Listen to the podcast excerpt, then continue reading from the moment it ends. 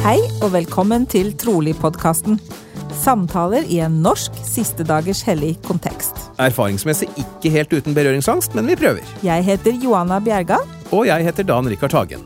Her i Trolig-podkasten snakker vi med hverandre og med gjestene våre om deres trosreiser og tvilsreiser og andre temaer vi er opptatt av. Målet vårt med denne podkasten er å skape et rom med takhøyde og plass til alle. Fordi alles historie fortjener å bli hørt, og fordi vi mener at det er mer enn én måte å være en siste dagers hellige på. Vi minner om at det som deles her er våre og våre gjesters personlige erfaringer og meninger. Og at podkasten ikke er i regi av Jesu Kristi kirke av Siste dagers hellige. Men for ordens skyld, både Dan Rikard og jeg er aktive troende medlemmer av kirken, og podkasten vil reflektere det. Da kjører vi ny episode.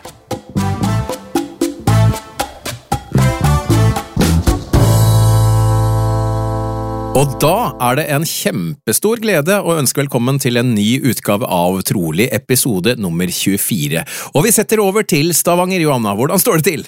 I Stavanger er det kjempefint. Det pøsregner ute, det er typisk februarvær, og alle hjerter gleder seg, for i dag skal vi snakke med min gode venninne Kristin Davik, som til tross for dialekten befinner seg her i Stavanger. Hun sitter ikke ved siden av meg, hun sitter på en uh, liten øy utenfor Stavanger som heter Roaldsøy. Aha. Snakker vi langt ute i havgapet her nå, eller? Nei, nei, nei. Vi snakker, det er en av, det vi kaller en av byøyene, faktisk. Det er fastlandsforbindelse inn til Stavanger. Hmm. Sant vel, Kristin?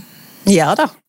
Og Der bygget dere hus for 24 år siden, eller noe sånt? Ja, noe sånt. Ja.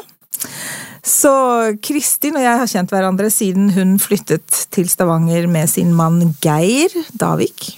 Cirka 30 år siden, Johanna. Ja, 30 år. Og jeg kjenner deg jo ganske godt, men jeg vet at det er mange detaljer jeg ikke vet og kjenner til, så jeg gleder meg til å bli enda bedre kjent med deg i dag. Høres ut som en kjempeplan, dette her. Veldig mye stavangersk i dag, men vi skal vel overleve det for oss som holder til her på Østlandet. For Kristin, hun, som jeg nevnte, hun er jo ikke herfra. Hvor kommer du fra, Kristin?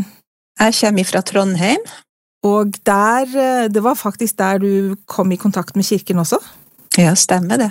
Ja. Men i motsetning til Dan og meg, så kom du inn i kirken ikke som barn, men som ung voksen, slik jeg har forstått? Eller i slutten av tenårene? Vi kan jo kanskje Kanskje vi bare skal rett og slett begynne med din, din historie og din trosreise, og hvordan du kom inn i kirken? Ja, jeg har jo egentlig bestandig vært kristen, personlig kristen. Jeg brukte jo bestandig å be til Gud om at han måtte lede meg på hans vei, og at jeg måtte gå der han ville at jeg skulle være. Jeg har jo egentlig hilst på kirka som unge, fordi at faren min han elska å diskutere religion. Han, han jobba på E-verket og gravd grøfter i sin tid, og der hadde han livlige diskusjoner med en som heter for Mæland, og nå husker jeg ikke navnet på han andre, men sånn om religion. Og mora mi var jo kristen, pappa var jo det ikke. Og så um, I alle fall, når jeg var litt mindre enn 18 år, så var jeg på et møte i Indremisjonen i Trondheim, i Salem, sammen med ei venninne av meg som heter Liv. Og um, under det møtet da, så kom misjonærene inn, for det var noen amerikanske talere. Og så, um, i pausen, så begynte jeg å prate med dem. Og jeg kjente jo til misjonærene. De, de, var ikke fremmed for meg. Um, men uh, i alle fall så begynte jeg å prate med dem, og da inviterte den ene misjonæren meg uh, til å komme og prate med dem i kirka. Og da kom jeg så Jeg angra jo selvfølgelig like etterpå at jeg hadde sagt ja, men jeg for nå i kirka traff misjonærene, og uh, jeg fikk mormons bok og leste i mormons bok. Og det ble liksom bare veldig levende for meg at de menneskene i mormons bok ikke var oppdikta, at det her var virkelig. Og da var jeg jo liksom da, Hvis jeg ønska å gjøre Guds vilje, så hadde jeg ikke så mange valg, egentlig. Jeg måtte jo si ja til å bli døpt, da. Så da ble jeg døpt to og en halv uke etter at uh, jeg traff misjonærene. To og en halv uke? Ja. Oi! Det er nesten rekord, det må vel ja, det er ganske kjapt. Det var litt sånn for meg òg. Ja, det det kjentes jo veldig sånn bakoversveis, og livet mitt ble jo, selv om jeg hadde vært kristen før, så ble det liksom Det var, det var et sjokk til systemet mitt, egentlig. Mm. Jeg gjorde det fordi at jeg ville vært trofast, men følelsene mine de hang ikke helt med. Det tok lang tid. Ja. Men du sier også at du, du strengt tatt har vært kristen hele livet, da. Mm. Hva er årsaken til det? Hva var det som uh...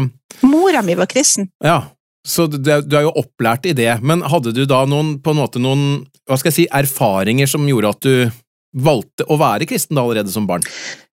Så mine første minner om Jesus og sånn, det var jo egentlig Så mora mi døde jo når jeg var tre og et halvt år gammel. Og um, mamma hun, hun brukte å ha, eh, samle unger i nabolaget og ha liksom på en måte noe åndelig sammen med unger i nabolaget. Og så brukte hun å sette oss i ring, og så sang hun og spilte gitar med oss. Og hun var en veldig levende kristen. Mm. Fortalte meg om Jesus når mamma døde, da, som pappa satt og grein på kjøkkenet. Så, så sa jeg jo til pappa ikke gråt, du, pappa, bare be til Jesus, så kommer mamma tilbake igjen. ikke sant? Ja, ja. Så det har på en måte vært min livslinje, egentlig, min tro. Det har bare vært med meg fra jeg var bitte, bitte liten. Og i oppveksten min så har det vært veldig mye ustabilitet. Det har vært mye galt, egentlig. For pappa var ikke den mest stabile personen på jord. Mm, og oppi det der så var liksom troen min, det var det ankeret mitt som på en måte holdt meg. Mm. Mm. Jeg hang meg opp i en ting som du nevnte som jeg gjerne vil at du skal utdype litt mer. Du sa at moren din var en levende kristen. Hva tenker du på da, når du sier det? Ja, altså hun levde jo virkelig det hun, hun trodde på. Altså hun, hun trodde med hele seg. Mm. Og livet hennes det var jo egentlig via til Jesus, på en måte. Hun, eh, hun var en levende kristen. altså Hun levde med hele seg. Det var, det var troen som drev henne. Og satt og leste i ei dagbok som foreldrene mine skrev når jeg var helt liten, om familiehendelser, ting som skjedde bare i familien, liksom. Og der Um jeg vet ikke, Mamma hadde ett innslag, og da skrev vi jo litt om oss ungene og forholdet i familien og sånn. Men alle mest som skrev jo om, om Johannes' åpenbaring og ting som skjedde der, sånn, for at hun ville overbevise en pappa om at det, var, at, at det var sånn og sånn og sånn, liksom.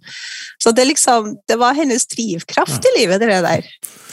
Ja, jeg likte uttrykket 'levende kristen', og så liksom fikk det meg umiddelbart til å begynne å tenke 'er jeg levende kristen'? Mm. For det, det, det ønsker man jo å være. Ja, det gjør det. Og så kom du inn i kirken, og så Hva skjedde etterpå? Jeg levde jo veldig lenge på mm, følelsen av at jeg ønska å være trofast. Eh, Sånn at jeg gikk jo gjennom alle bevegelsene eh, som Siste dagers hellige skal ha, men det var noe følelsesmessig som hang igjen ennå. Det tok lang tid. Eh, Hva tenkte du på når du sier bevegelsene Eh, Jeg gikk i kirka. Det var, det var, når jeg møtte mannen min, så var jo ikke han medlem av kirka, men han, altså, jeg husker jo at det som imponerte meg med han Han bodde på hybel ved siden av meg, og så satt vi og spiste Grandiosa sammen. Da ble jo han stille, fordi at han skulle velsigne, maten inni seg. For han er òg oppvokst i et kristent hjem. Og det imponerte meg. Og jeg, jeg gifta meg jo med han Geir før han var medlem av kirka. Eh, Men, han, men det var såpass eh, jeg, klar, jeg klarte ikke å la det ligge. Vi ble enige om at um, vi skulle sammen skulle gjøre det som var riktig. Og da gikk vi gjennom en prosess hvor jeg et øyeblikk hadde lyst til å kaste mormons bok og alt som jeg hadde. For det, er jo livet mitt så komplisert. Og da var jeg faktisk ute og kasta mange ting i søpla. Men så gikk det jo ikke lang stund etter jeg var kommet inn der jeg følte nei, det her kan jeg ikke gjøre. Det her blir helt feil, for jeg vet jo at det er sånn. Og så gikk jeg ut og henta inn tingene mine igjen, og, og jeg ble med Geir på møte i en annen ja, altså, Det var jo en slags det var en misjonssamband som sto for det møtet. Og der var det jo blant annet taler var, De drev og samla inn penger til bibler til, som de skulle ha til Afrika. Det med tiende Jeg hadde jo snakka med Geir en del om tiende på den tida der, og um, jeg følte at det var viktig å betale tiende. Og jeg, jeg fortalte at vi var enige om at tiende var bibelsk prinsipp. Da. Så da ble vi enige om at vi skulle betale tiende sammen, men vi skulle ikke betale til kirka akkurat der og da, men at vi skulle, vi skulle ha et kompromiss. Da. Vi betalte til Misjonssambandet som hadde samla inn penger til bibler. Og det var liksom vår første felles tiende sammen.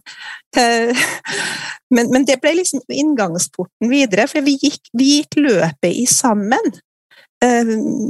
De tingene som følelsesmessig var vanskelig for meg altså, Mitt vitnesbyrd har jo utvikla seg på den veien her òg. Jeg begynte med en liten bit, for det, det, var en bit av meg som bare visste at det var, det var sant, så jeg bare må, måtte jo gjøre det. Men resten av meg tok lang tid, og jeg, jeg gjorde det her eh, Det utvikla jo også mitt vitnesbyrd videre.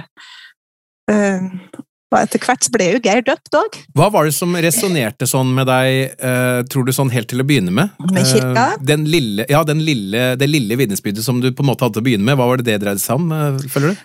Eh, prestedømme. Aha. Ja. Hvorfor det?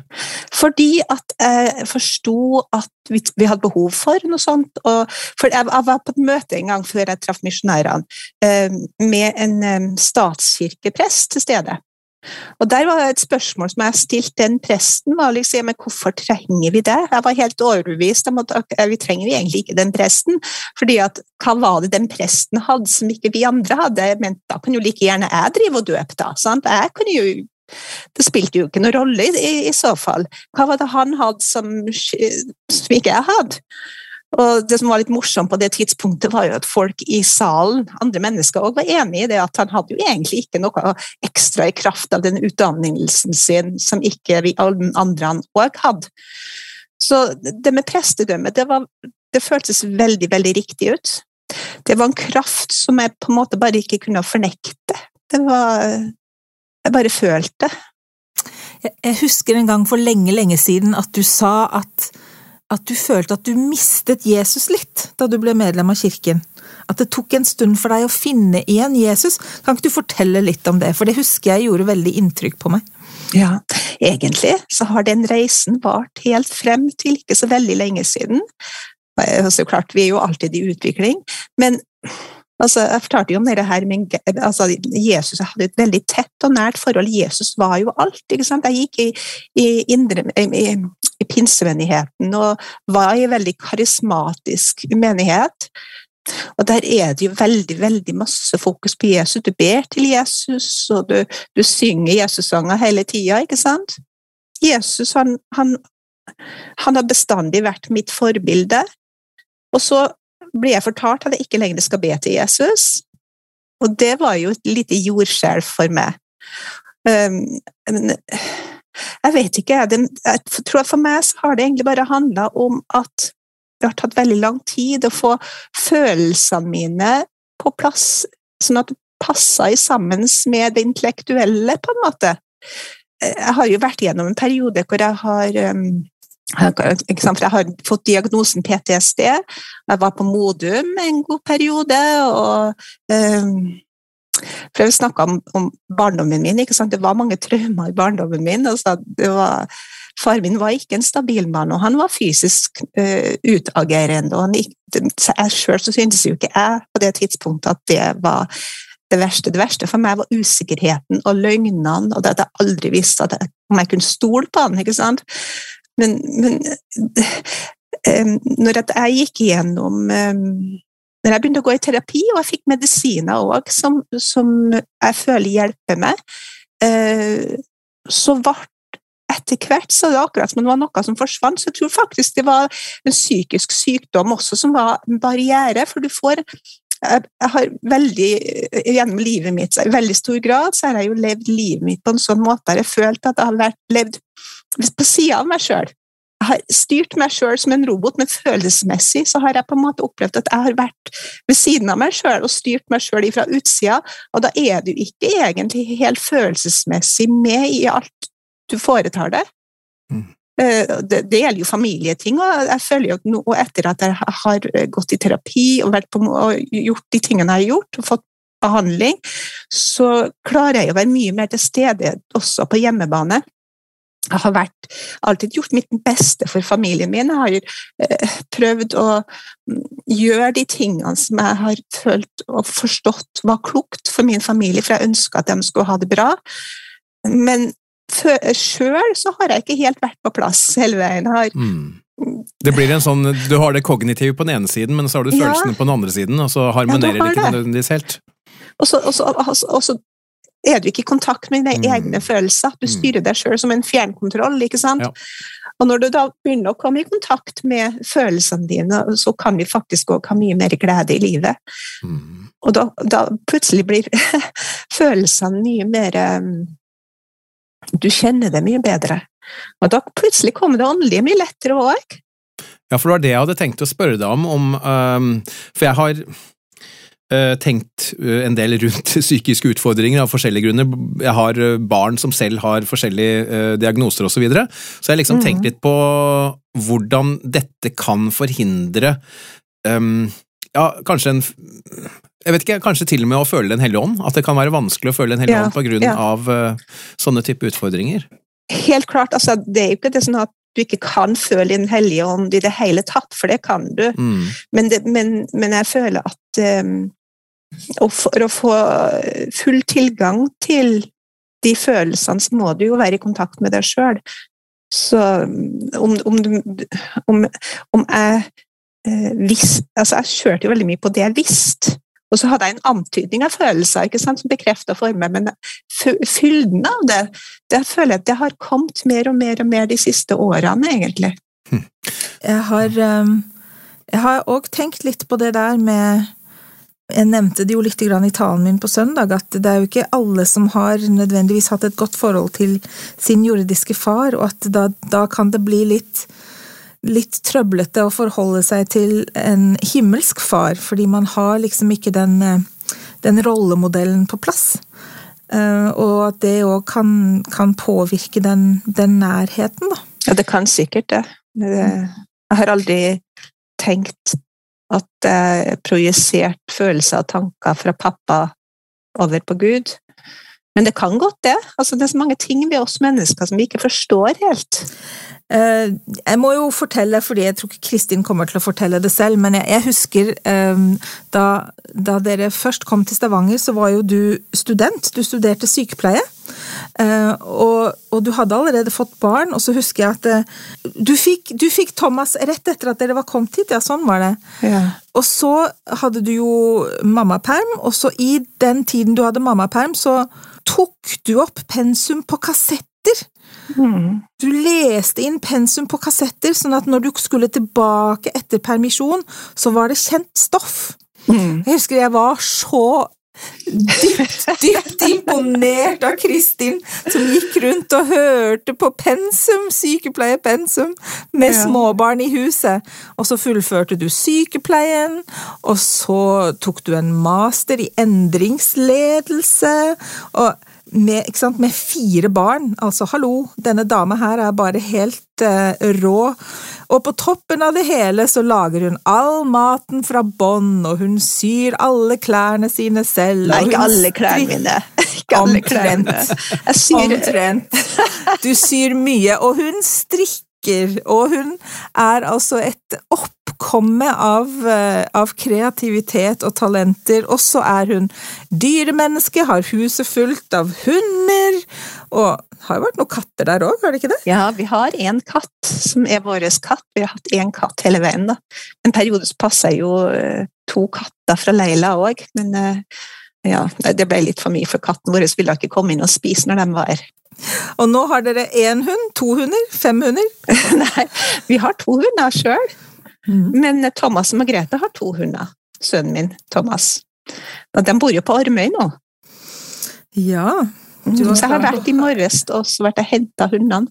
Margrethe og Thomas har jo nettopp hatt covid, Oi. så Margrethe har vært en del sliten etter det. Det var hun som fikk det hardest av dem, egentlig.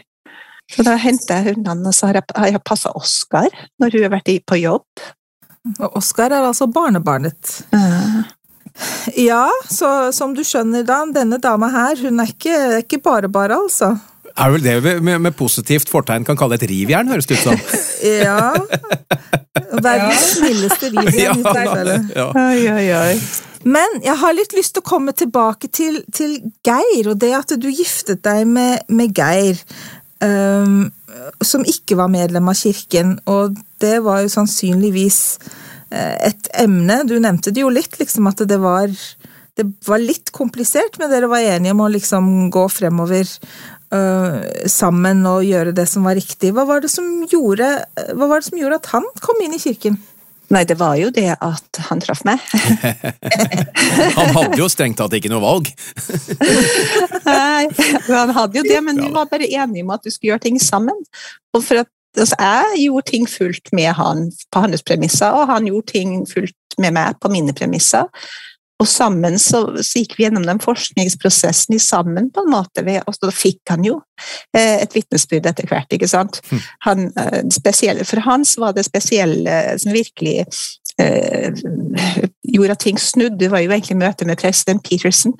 Alan Peterson, om dere husker han? Misjonspresidenten her på slutten av 80-tallet. Mm. Ja, for han Altså, jeg hadde godt forhold til han og Kristin, dattera hans og Sherry. De var jeg gode venner med. Så var, var de i Trondheim, da de hadde misjonssonekonferanse. Og så visste jeg at uh, de bodde på hotellet Royal Garden. Jeg og Geir bodde på Bakklandet, da, så det var jo like i nærheten. Så jeg fikk med meg en Geir på kvelden jeg, til å besøke Colleen på hotellet. Og når vi kom dit, så var ikke president Peterson kom tilbake igjen ennå, men han kom etter hvert.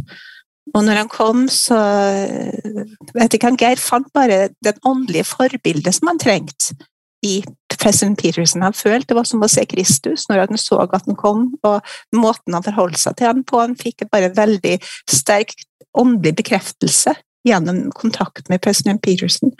Og da plutselig falt det andre på plass som han strevde med i forhold til evangeliet og kirka. Og etterpå det så har det ikke vært noe problem. Og, og som du sier, the rest is history. For uh, nå er Geir uh, Hva skal vi kalle ham? Han er bauta. Hæ? han er en god kar. Ja, han er fantastisk. Uh, Kristin, jeg har litt lyst til å gå uh, tilbake igjen til uh, et tema vi snakket om for litt siden, nemlig dette med, med, PTSD, og for så vidt andre typer diagnoser også, som på forskjellige måter da kan påvirke Hva skal jeg si, ja? følelseslivet, kanskje? Hvis man kan si det på den måten. Ikke sant? Og um, hva, hva, hva, hva, er din erfaring med det? Vi var jo inne på det i stad også, men kan du si litt mer om det? Hvilke for eksempel, utfordringer skapte det for deg, eventuelt? Uh, at, uh, hva skal jeg si, da? Altså, når du har PTSD, så, så, så har du jo det, du tar, har med deg en ballast som, som, på en måte hvor du uh, Du baserer virkelighetsoppfatninga di på en del erfaringer som ikke egentlig er helt i tråd med det som egentlig er frisk, da. Har, for, meg så hadde jeg forventninger om hvordan f.eks. faren min oppførte seg sånn. Det, det preger jo veldig måten jeg forholdt meg til resten av verden på. ikke sant? Og, og så hadde jeg jo beskyttelsesmekanismer inni meg sjøl, hvor jeg eh, Altså, vi, som barn så er en veldig flink til å lage beskyttelsesmekanismene hvor en fjerner seg fra ting og, eh, følelsesmessig, sånn at du klarer å håndtere de vanskelige tingene. Mm. Ja, rett og slett ved å skyve det litt unna? Ja, du gjør det. Ja. Mm. Sånn som det jeg sier, at jeg har gått på sida av meg sjøl hele livet. Ja, ikke sant? Ikke sant? At det å integrere meg sjøl litt mer inni meg sjøl Jeg var liksom mange forskjellige Jeg har liksom laga av mange forskjellige deler som fungerte hver for seg. Men som måtte settes sammen, da? Ja, egentlig. Til slutt, ja. Mm. Men, men, et lite spørsmål før, før, vi fortsetter.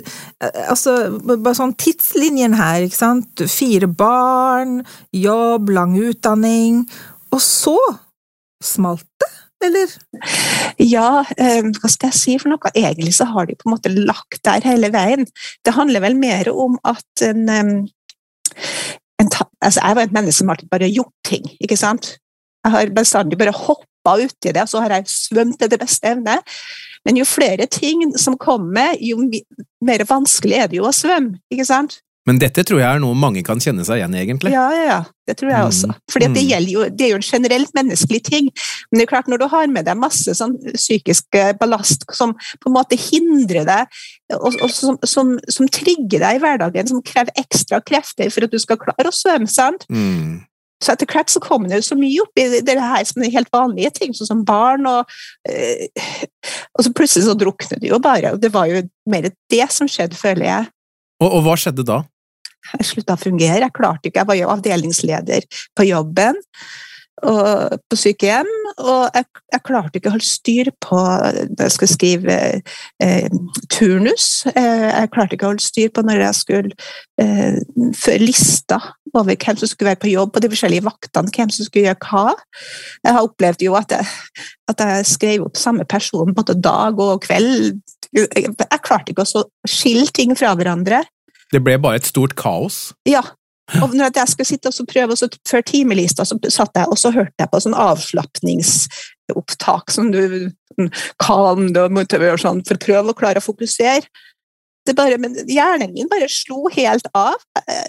Til slutt så bare måtte jeg jo sykmelde meg, for jeg, for jeg klarte jo ikke å gjøre jobben min. Geir hjalp meg med turnusen. Han, han programmerte eh, noe til meg på PC-en for at det skulle være lettere å få det til å gå opp. fordi at da hadde jeg ikke fått eh, automatiske greier som det førte eh, på dataen enda. Det var jo fremdeles i utvikling det på det tidspunktet. Ja, i det hele tatt så var det veldig flaut. Det var ikke ja. morsomt. Nei, det oppleves nok sånn når det pågår. Og hvor lenge er det til siden? Det her var i 2008. Jeg tror det var 2000. Ja, ok. Jeg holdt på å si, Visste du allerede da at du hadde PTSD? Nei. Nei, ikke sant. Så hva skjedde videre da? For altså, da, da som, som, Johanna sier, dette ble jo på en måte en slags knekk. Det, det, mm. det, det kulminerte. Mm. Uh, og hva skjedde da? Jeg begynte å gå til psykolog. Jeg gikk veldig ned i vekt. Um, jeg visste ikke hvordan jeg skulle takle livet mitt. Jeg var, var, var veldig trigga av kanskje spesielt Thomas, min eldste sønn, mm. eh, som gjorde at eh, jeg takla han på, på, en veldig feil måte. Og, det gikk jo utover han. Han fikk jo han, Det var vanskelig for han. Og jeg, jeg klarte ikke å snakke med han engang når han bodde bort en periode. Jeg kommuniserte og skrev. Hjertet mitt var jo hos han, men jeg klarte ikke å snakke med han uten at jeg, jeg, jeg gikk i panikk med en gang oppi hodet mitt. For det er akkurat som at du liksom, papp, Der kom pappa. Ikke sant? For at Sønnen min er en gutt. Mann. Pappa var en mann. ikke sant? Det var ikke rettferdig for Thomas i det hele tatt. Så du det da? Eh, jeg, jeg, først, forsto at det var noe eh, Jeg forsto ikke helt at det var flashback jeg var i, nei. nei det gjorde jeg ikke. Til å forstå at det var flashback jeg opplevde, det har tatt lang tid å forstå. Er det sånn at eh, det du opplevde, det var egentlig basert på følelser, men du visste ikke hvor følelsene kom fra? Men, men når de kommer, så kommer de jo? Ja, ja. Absolutt. Det, hadde du fortrengt mye? Var det mye ting som bare kom opp og kom fram etter hvert som du snakket med psykolog og sånn, som, som, du egentlig ikke hadde tenkt på eller forholdt deg til i mange år, på mange år? Jeg føler ikke at jeg har direkte fortrengt ting. Jeg husker jo egentlig en hel del ting, men det er sikkert mye jeg har glemt òg. Men, men eh, det handler mer om å bli litt bevisst på hva som faktisk skjer.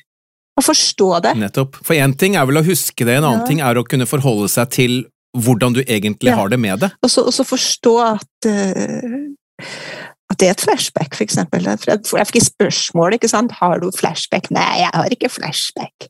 Mm. Men hadde jo hele veien, hele veien Fremdeles opplever jeg jo det, men nå vet jeg hva det er for noen ting. Mm. Ja, ikke sant? nå kan jeg håndtere det, nå, nå går jeg ikke i panikk lenger. Jeg gikk jo i panikk, og da låste jo alt i meg stoppa bare helt opp av hodet mitt, funka ikke i det hele tatt. Kjempefestlig at det skjer samtidig som du på en måte har tenåringer i hus.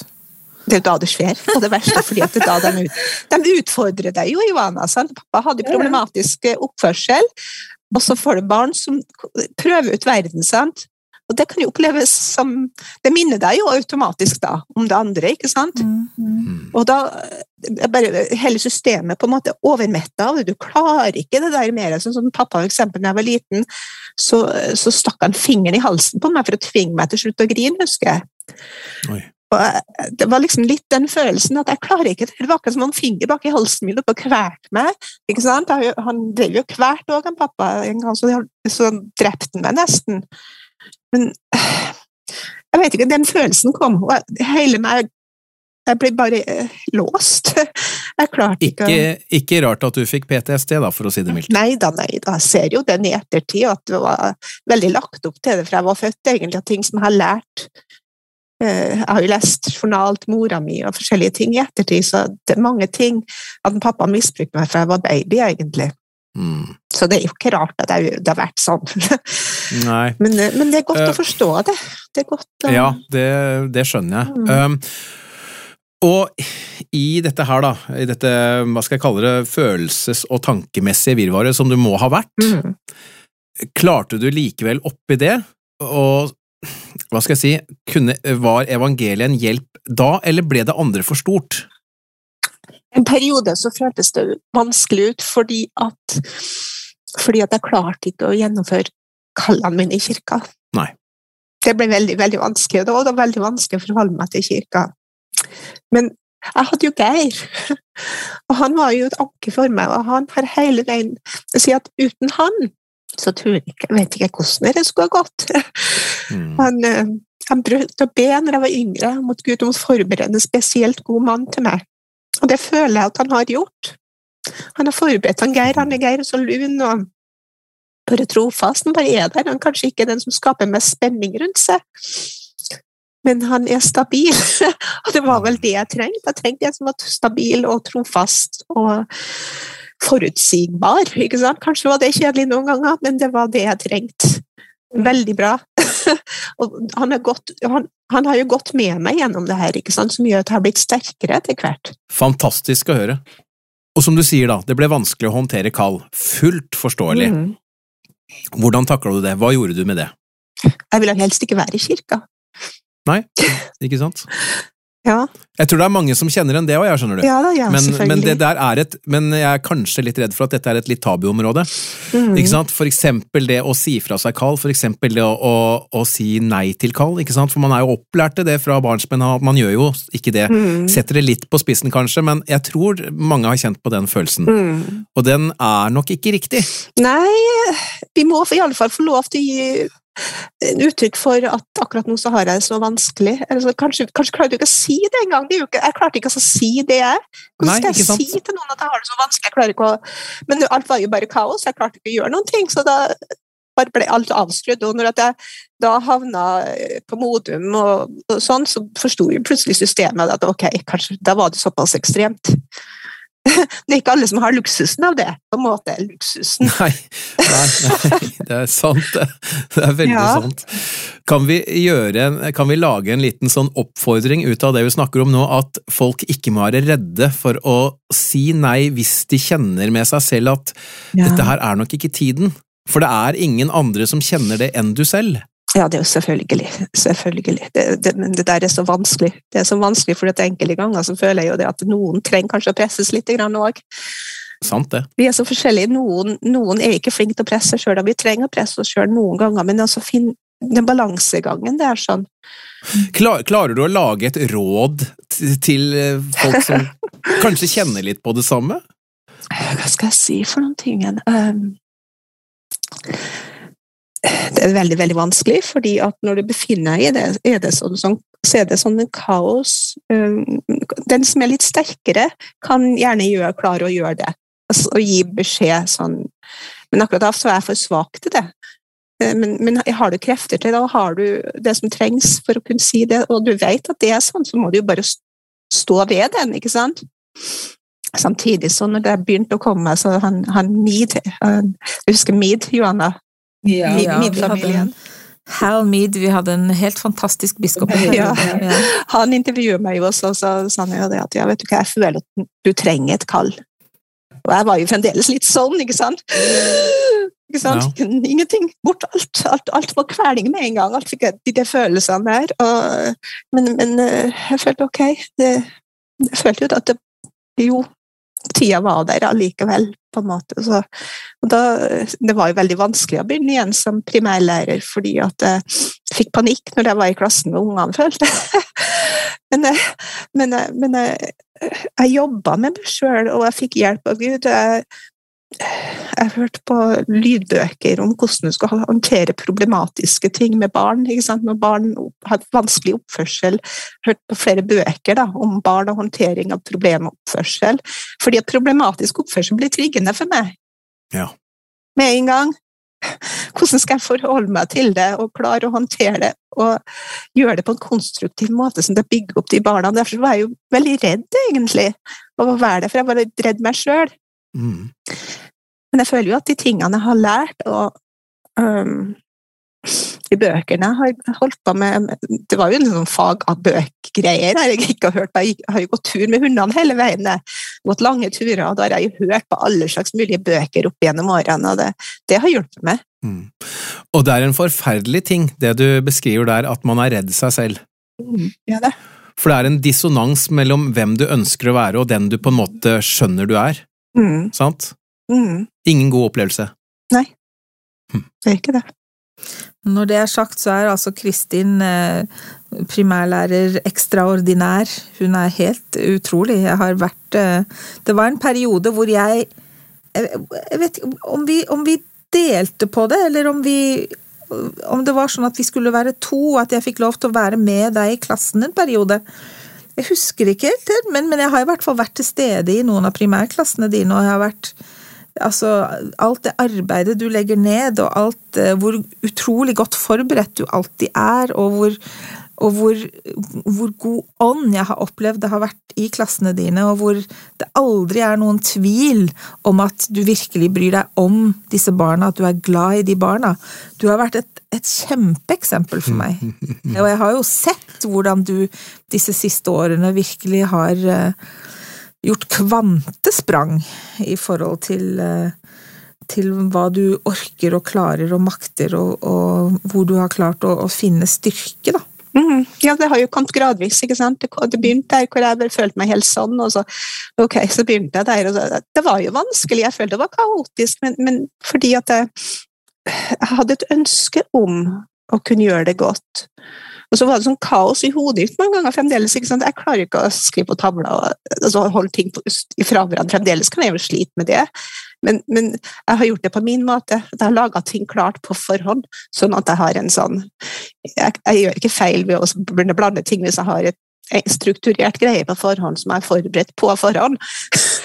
Så du, lærer jo sånn mestringsstrategi etter hvert. ikke sant? Så har jeg jo gått på nettet og så har jeg funnet spill som ting, måte å gå frem på og leke med barna, ikke sant?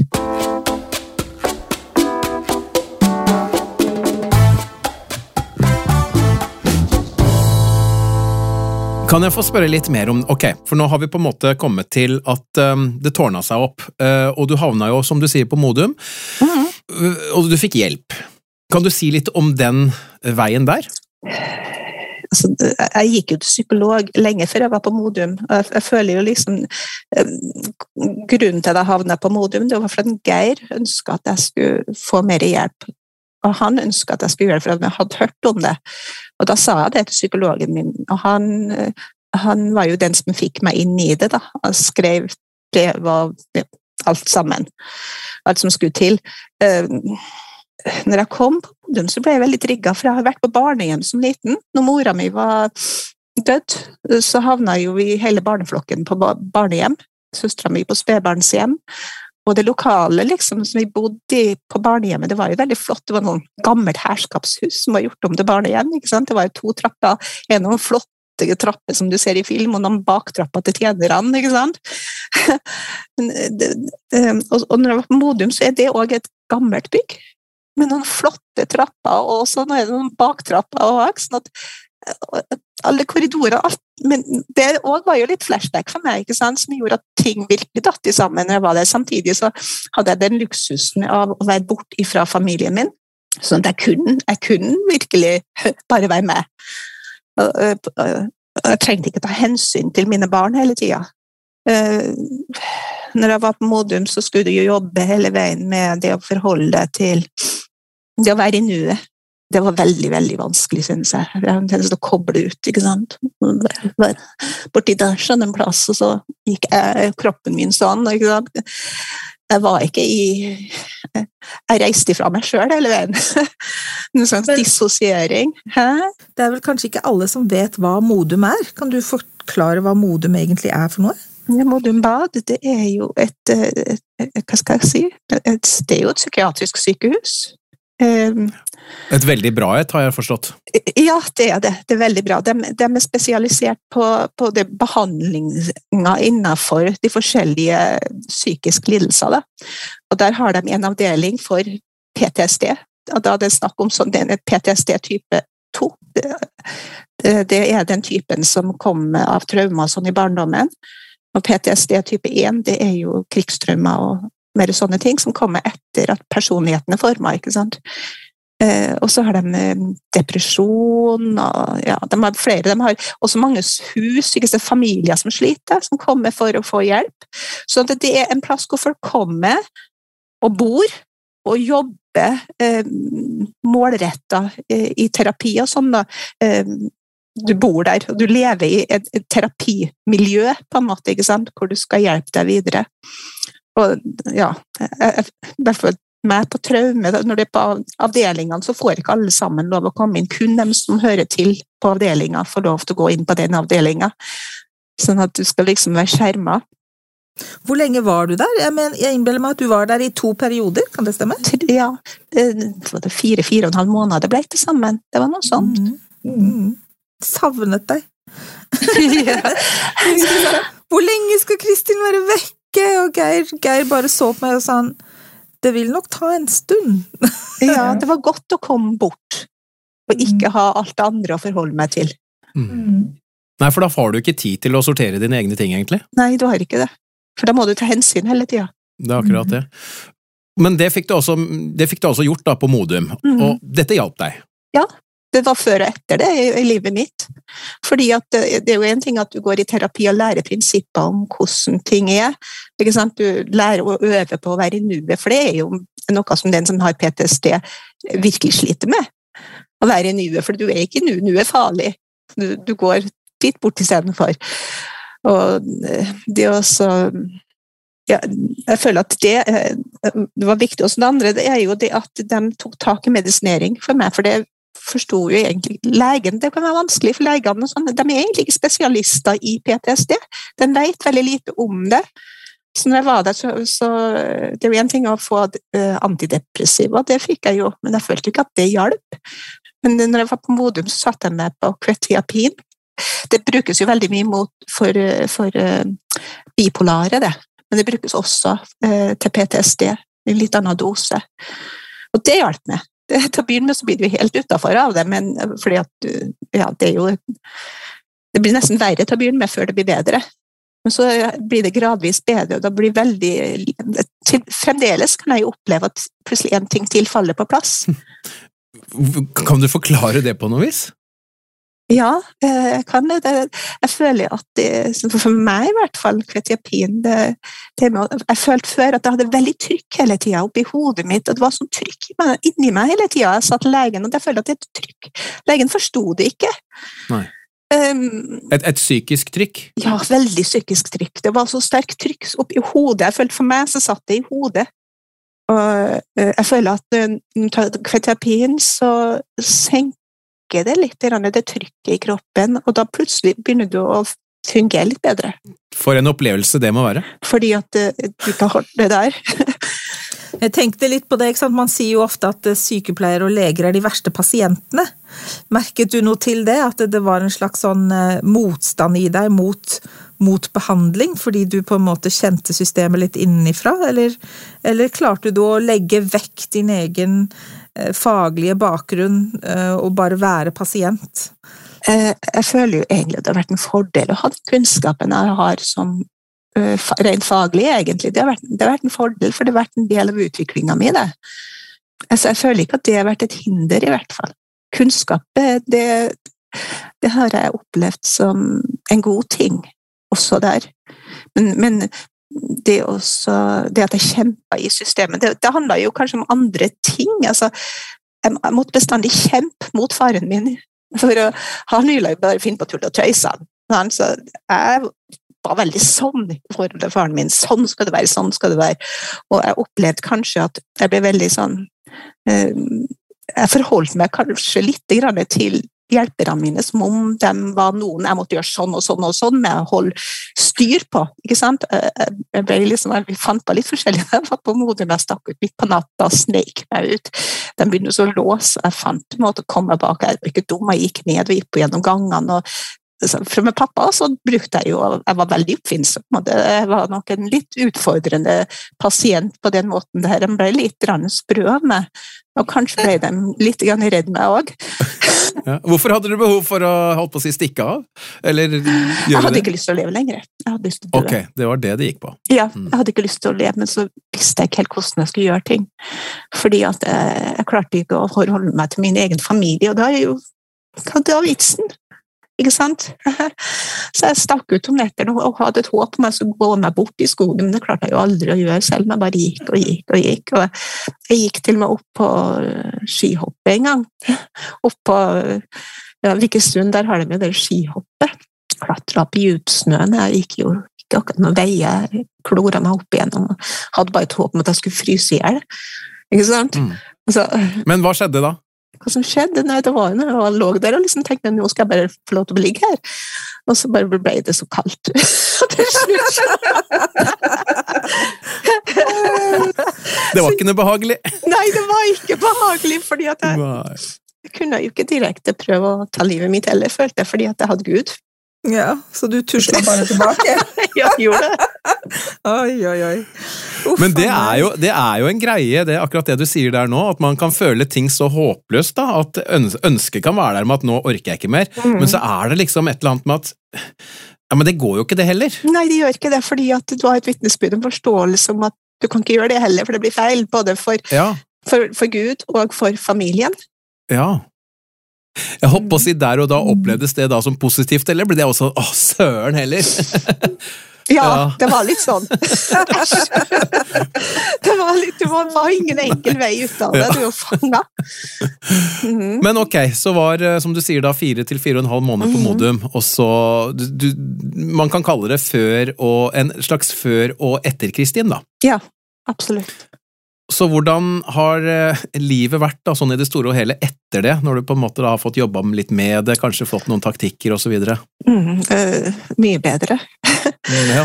Fordi at jeg ikke har det altså, Jeg kan merke fremdeles på en mye lavere plan ennå, men det er ikke så lammende. Jeg kan være mye mer Jeg kan tillate meg å være litt mer avslappa. Ja.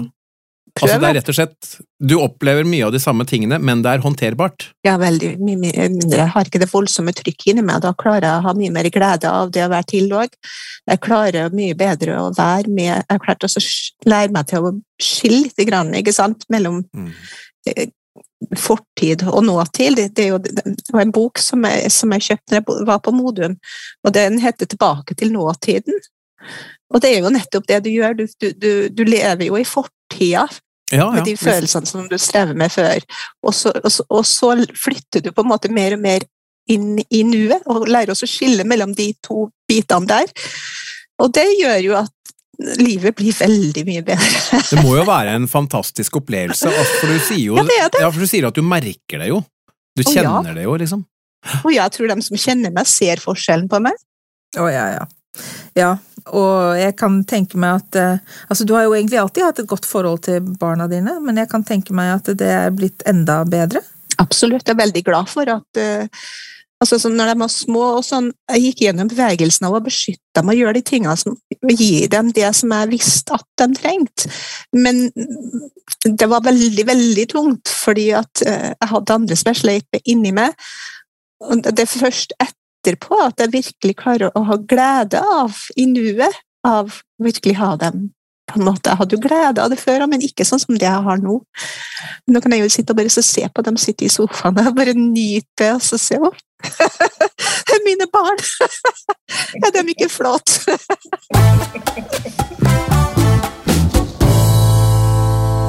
Kristin, tusen takk. Vi er ikke ferdige, men jeg, tusen takk. Ja, bare koselig. Dette her tror jeg er superviktig, og du, du formulerer det så utrolig bra.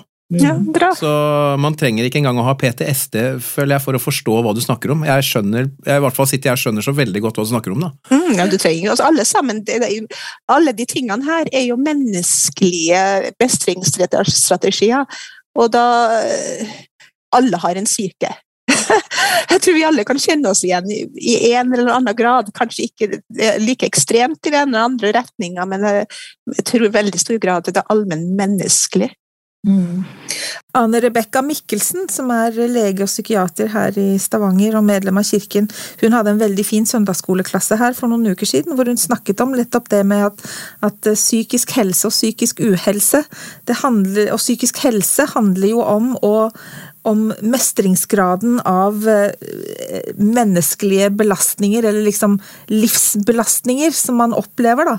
Um, og eh, graden av evne til å håndtere de belastningene man møter i livet. Og det er der det liksom noen ganger rett og slett blir, blir for mye, og så er vi noen disponert, og noen ikke sant, mens andre ikke sant? To personer kan jo oppleve det helt samme og reagere helt ulikt. Sånn at eh, Og, det må vi jo òg ta med i, beregningen, at det er at det er eh, at det er stor forskjell på det, da. Men det var en litt ny tanke for meg, da. At, eh, og jeg syns det var veldig godt forklart at det handler om å håndtere det livet de belastningene, og de vanlige belastningene som livet gir deg, men for, noen av oss så, så kan det bli en sånn akkumulasjon, da, ikke sant? At det kan bli eh, det ene oppå det andre, liksom, og så kan det bare bli for mye. Ja, og så er det vel også en negativ spiral oppi dette her også, fordi at du opplever jo, som du sier underveis, at men hvorfor får jeg ikke til dette forholdet med barnet mitt?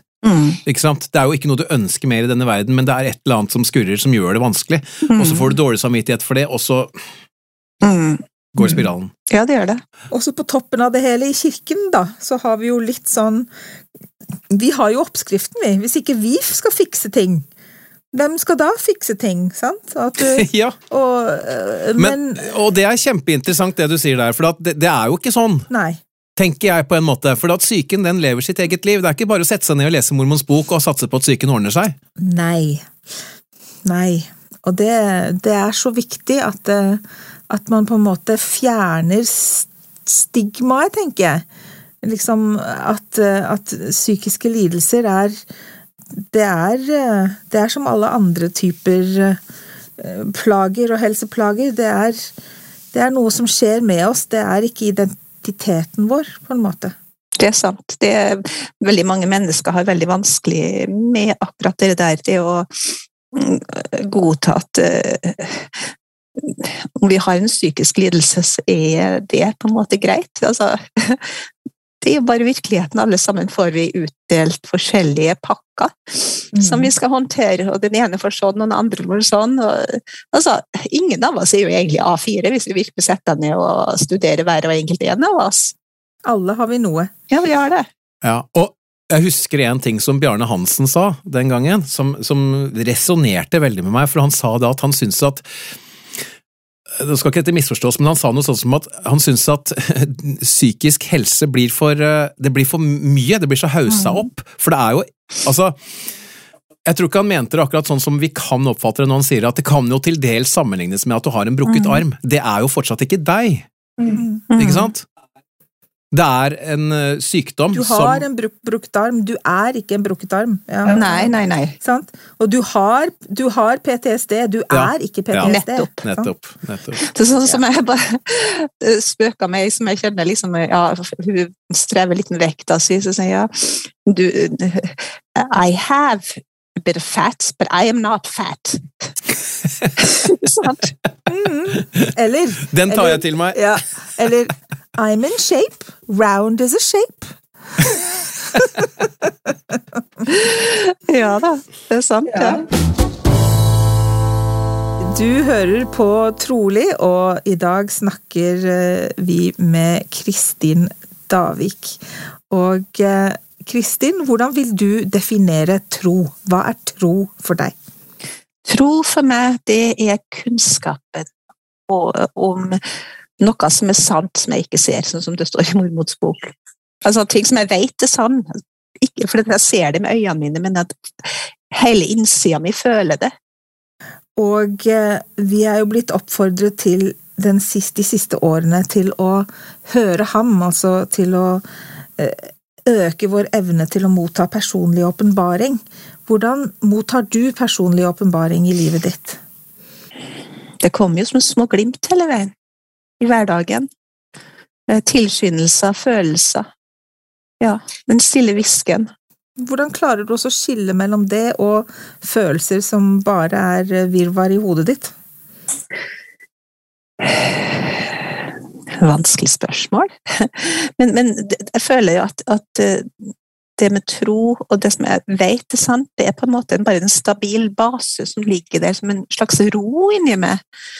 Jeg, jeg føler at det er ikke noe vanskelig for meg å skille imellom det, fordi det er en sånn ro som bare er der, mens det andre følelsesmessige, som når jeg er sliten og liksom, jeg orker ikke og, eh, Eller at at et flashback, altså at du, du, har ting psykisk som, som hindrer deg allikevel så kan det være en slags ramme rundt, av en slags ro, av en slags boks som forteller deg ok, her går grensene på noe som jeg vet er riktig, og så har jeg masse ting som danser inni her, sånn, som eh, er mer sånn flyktige ting, ikke sant? Følelsesmessige ting i nuet. Jeg holder meg veldig fast i den ramma, det er jo det som har på en måte redda meg hele veien, og den ramma er jo det som jeg vet er sant. Men det der kan jeg holde fast i. Veldig godt forklart, syns jeg. Ja. Faktisk, det syns jeg. Uh, hva, hvis, hvis, det var noe med kirken, eller ja, kirken da og evangeliet som du kunne endret på, mm -hmm. hva ville det vært? Jeg vet jo ikke at jeg ville ha endra på evangeliet i seg sjøl, men mennesker sine holdninger og mennesker sin forståelse. Menneskelige svakheter. Der vi tar over for Gud, på en måte. Men jeg har en veldig sterk følelse og vitnesbyrd om at der Gud er, der er det godt. Der er det rettferdig. Det er i grunnen vi som kompliserer det.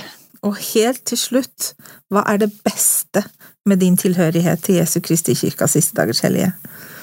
Hva er det fineste du vet med troen din? Det er jo det at jeg vet at vi var før, og jeg vet at vi går tilbake til Gud. Det er det åndelige aspektet. Det er helheten. Eh, kunnskapen om en evighet, en evig kjærlig Gud. Og ja, frelsesplan, liksom, den, den, er så flott. For meg så er det et lys. Det er liksom det Jesus har gjort for oss. At han elsker oss i hverdagen, at han står der og strekker ut handa si til oss. At vi er elska, alle sammen, liksom. Det er det viktigste. At han er kjærlighet, liksom. Det, det, for meg så er det helt sentralt. Gud er kjærlighet. Og eh, når vi skal leve ifølge Hans ånd, så er det jo egentlig det vi skal leve. Vi skal leve kjærlighet. Vi skal, vi skal vise kjærlighet, vi skal lyse kjærlighet, vi skal leve kjærlighet. Og hele veien som jobber i det, så er det veldig mye helbredelse i kjærlighet. Da kan vi altså komme oss gjennom ganske mye hvis vi lever i kjærlighet. Tusen takk for at du hørte på dagens episode. Vi er snart tilbake med en ny og spennende samtale. Og for å gjøre ventetiden litt kortere, så kommer som vanlig vårt nyhetsbrev Mer enn trolig i innboksen din om kort tid. Ja, Det er hvis du abonnerer på det, da. Og det gjør du enkelt inne på vår Facebook-side. Ja, og i tillegg så finner du oss både på Instagram og Twitter som oppdateres med jevne og ujevne mellomrom. Har du forslag til enten temaer eller gjester du syns vi burde snakke med? Send oss en e-post til troligpodkast med k at gmail.com. Og vi blir veldig glad for skriftlige tilbakemeldinger i alle våre kanaler. Og ikke glem at dette vil også hjelpe andre å finne trolig. Takk for nå. Vi høres!